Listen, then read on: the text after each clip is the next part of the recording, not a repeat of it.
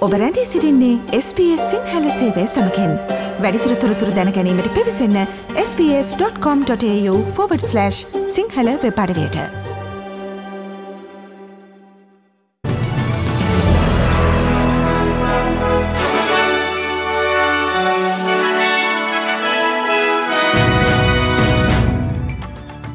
ප්‍රථමයෙන් සිරස්තල.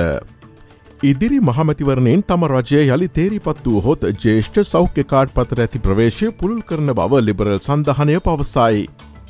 තම පක්ෂය බලයට පැමිණි හොත ලාබදායි චෛල්කය සේවාවක් ශක්තිමත් මෙඩිකයා සේවාවක් ලබාදීමට කම්කරු පක්ෂය පොරොන්දුවෙයි. වැටු පිහළ දමන ලෙසයිල්ලා සිද්ධිනුවර ශ්‍රමිකයෝ ඒ මැයිදින පෙළපාලි අති. යුක්්‍රේණය මරියපෝල් නගරේ වානයකම්හලක සිරව සිටන සිවිල් වැසියන් ඉවත් කර ගැනීමේ මෙහෙයුම ඇරඹෙයි. ශ්‍ර ලංකා සංචාරය සඳහා සහභාගි වන ශ්‍රණනු සංචිතයට ක්‍රඩකයන් තිස් හතර දෙනෙක්.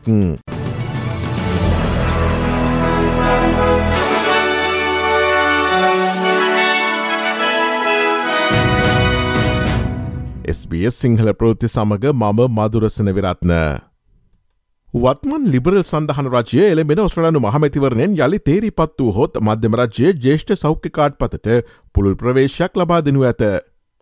තනි පුද්ගලයකුගේ ආදායම් පරීක්ෂණය ඩොල පනස් අදහස් හත්සිය හැට එකේ සිට ඩොල අනු දහස දක්වා වැඩිකිරීම අධදිනේදී අගමැති ස්කොට් මොරිසන් විසින් නිවේදනය කිරීමට නීමිතයි. එමෙන්ම යුවලකගේ ආදායම් සීමාව ඩොල අනුවදි දහස් හාරසය දහසේ සිට ඩොල එක් ලක්ෂ හතලිස් හතර දහස දක්වා වැඩිවනු ඇත. ඩොල මිලියන හැත්තෑවක මුල්ල ප්‍රතිපාදන හරහා ජීවන වීදම් පීඩනය ලිහිල් කරුණ ඇතැයි රජය පවසයි. මේ අතර විපක්ෂනායක ඇතනි අල්බනිසි ඒ වියපත් ඔස්ට්‍රලයන්වන් නොසලකා හැරීම සම්බන්ධයෙන් අගමැති මොරිසන්ට චෝදනා කළේය.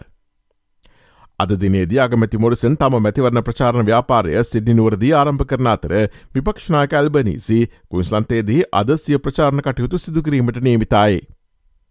කම්කර පක්ෂයට මෙවර මහමතිවරණය ජයගැනීමට නම් කුයිස්ලන්ත ප්‍රාන්තේ වැඩි ආසන ප්‍රමාණයක් දිනාගතයුතු ඇත.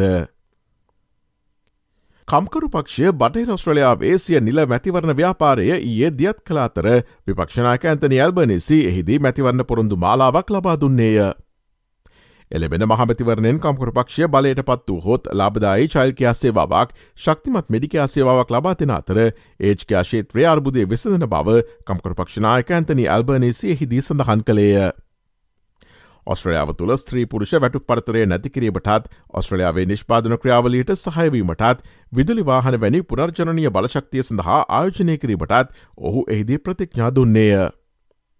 කම්කරවාණ්ඩුවක් සඳහා චන්දය ලබාදීම වඩා හොඳ අනාගතයක් සඳහා ලබාදින චන්දයක් බවද කම්කරු පක්ෂනායක ඇතනි ඇල්බනිසි එහිදී අවධාරණය කළේය. We are a team with the experience, the intellect, the compassion, but most importantly, the ambition to shape Australia's future.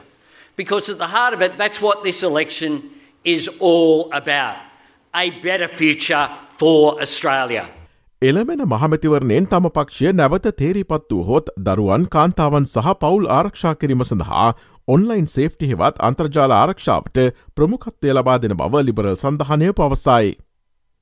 එය උපාංග මත මාපිය පාලනයක් පවතින බව සහතික කරන අතර ඔන්ලයින් හිරිහැර කිරීම වැලක්වීමට දැඩි නීති පනවයි.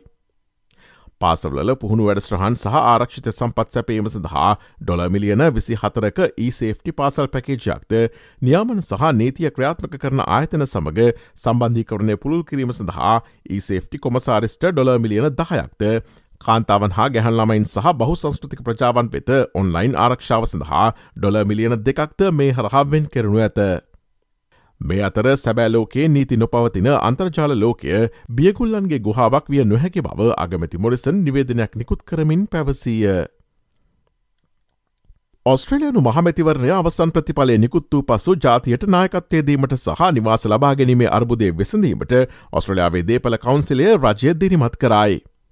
ඔස්ට්‍රලන්වන් දස දහසකට නිවාස ලබා ගැනීමට වඩාත් ප්‍රවේශ විය හැකි පරිදි හෙල්ප්ට බයි වැඩස්්‍රහනක් කම්කරපක්ෂය යෝජනා කරන අතර ඔවුන් බලය දිනාගත හොත් නිවාස සම්පාදන හා දැරිය හැකි නිවාස ලබාදීම පිළිබඳ කවන්සිලයක් පිහිටවීමට බලාපොරොත්තුවේ. නමුත් ග්‍රීන්ස් පක්ෂය මෙම වැඩස්්‍රහන විවේචනය කර ඇත. එය පුද්ගලයන් සඳහා ඩොල අනු දහසක් දක්වා සහ යුවල සඳහා ඩොල එක්ලක්ෂ විසි දහසක් දක්වා බදු අය කළ හැකි ආදායමක් ඇති ගැනුම්කරුවන්ට පමණක් සීමාවී ඇතැයි ග්‍රීන්ස් පක්ෂය චෝදනා කරයි. කෙසේ වෙතත් ඔස්ට්‍රලයා පුරා ඇති නිවාස සැපියුම් හිගිය වඩත් හොඳින් විසනාගන්නේ කෙසේ දෙයන්න හඳුනාගැනීමේ අවශ්‍යතාවට සහය දෙන බව ඔස්ට්‍රලයාාවේ දේපල කවන්සලේ ප්‍රධාන විදායක කෙන් මොරිසන් පවසයි. We think it's important that people are given a hand to get into the housing market. The help to buy scheme is targeted, uh, it's needed, and it will be worthwhile. ජීවන වියදම් පීඩනයට වඩා හොඳින් මුහුණදීම සඳහා සිද්ධිනුවර ශ්‍රමකින් තම වැටුප් ඉහළදමන ලෙසයිල්ලා ඒ පැවති මැදිනයේදී පෙළගැසී තිබේ. කම්කරුවන්ගේ වෘතිය අයිතිවාසිකම් වෙනුවෙන් හඬනගීමට සහ අදාළ ඉල්ලිම් ලබාදන ලෙස බලකිරීමට සෑම වසරකම පැත්තන මැයිදිනය ශ්‍රමිකයන්ට කදිමාවස්ථාවක් සපයයි. ඔස්ට්‍රලයාාවේ ආර්ථික සාර්ථකත්තය පුළුල් ලෙස බෙදාහදා ගැනීම රජය විසින් සහතික කළ යුතු බව නිවසොත්තෙසි වෘතිය සමති සංගමේ ලේකම් මාක් මෝරේ පවසයි. But it's not just about a pay increase, it's about how do we retain skilled workers in our economy, particularly in New South Wales. How do we retain skilled teachers, skilled nurses, skilled home care workers? Sri ලංකාවෙන් වාර්තාාවන පුවත් අද වැඩ ශ්‍රහණය ශ්‍ර ලංකේ පුවත් තිමසුමෙන් බලාපොරොත්තුවන්න. දැන් විදෙස් පුවතාක්.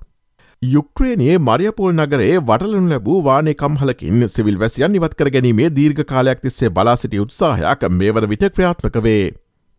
රතුකුරස සංවිධානය Ukraine සහ රුසියාරු නිර්ධහරින් සමඟ ඇසෝස්ටෝල් වානේ කම්හලෙන් සිවිල් වැසියන් ඉවත් කිරීමට කටයුතු කරමින් සිටි. රුසියා විසින් අත්පත් කර නොගත් මරියපෝල් නගරේ එකම කොටස ලෙස මෙම වානකම්හල හැඳින්වේ. එහි රැඳී සිටින යුක්්‍රේණය සාමාන්‍ය වැසියන් කිලෝමිටර් දෙසිය විසි හතක් තුරින් පිහිටි සැපොරිසියා නගරේ වෙත ගෙනයනු ලබයි. මේ අතර යුක්්‍රේණ සටන්කාමීහු දෙදහසක් පමණ ඇසෝස්ටෝල් වානේ කම්හලාශ්‍රිතව සිටිති. ඔවුන්ගේ ඉරනම තවමත් පැහැදිලි නැති බවවාර්තාවේ. කෙසේ වෙතත් සාමාන් යුක්්‍රේණ වැසියන් අදාලස්ථාන නිවත් කිරීම සම්බන්ධයෙන් තමා සැනසීමට පත්වන බව යුක්්‍රේණ ජනාධිපති වලොඩ්මීර් සෙලෙන්ස්කි ප්‍රකාශ කරයි. Вдалося розпочати евакуацію людей з Азовсталі. Today, we finally managed to start the evacuation of people from Azovstal. After many weeks of negotiations, after many attempts, various meetings, people, calls, countries, proposals, finally, there was not a day that we did not try to find a solution that would save our people. Today, for the first time in all the days of the war, this vital corridor has started working. For the first time, there were two days of ceasefire in this area. We managed to take out more than a hundred civilians, women, children first of all, who escaped from hostilities there in Azovstal.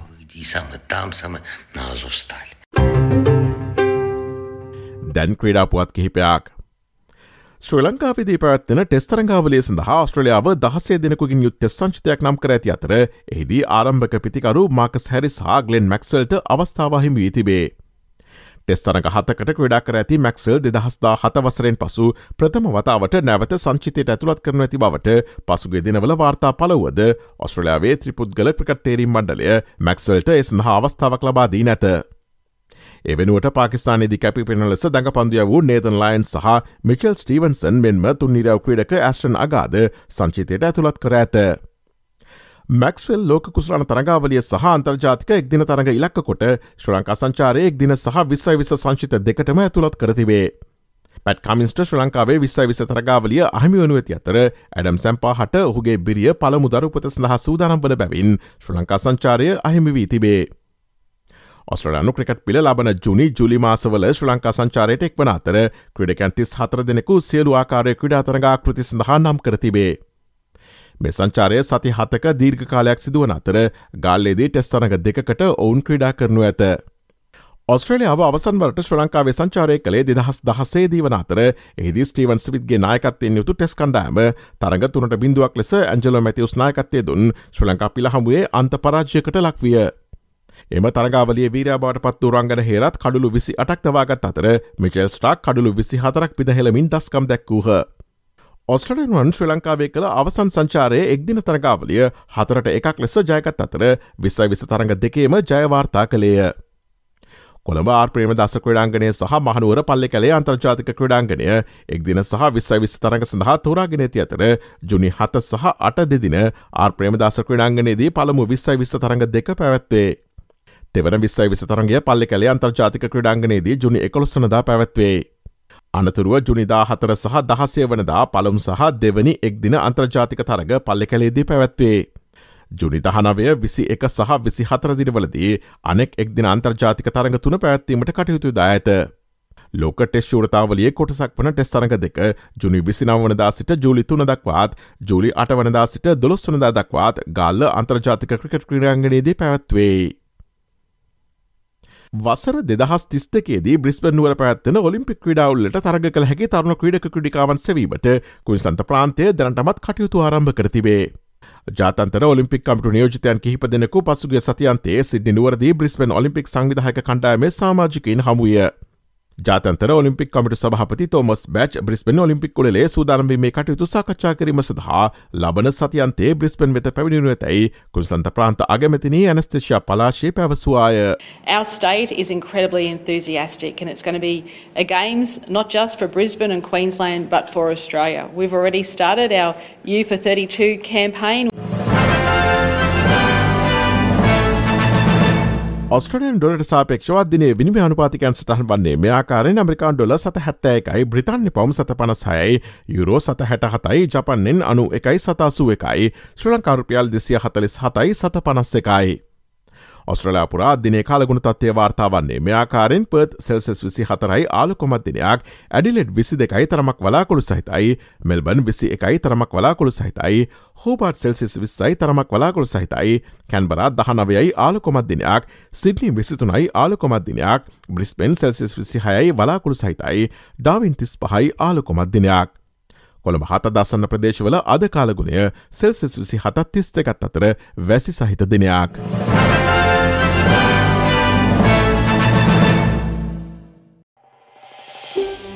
මේ වගේ තවත්තොරතුරු දැනගන්න කැමතිද. එහමනම් Apple podcast Google podcast Spotify ඔබගේ podcast ලබාගන්න ඕනෑම මාධ්‍යයකින් අපට සවන්දය හැකේ.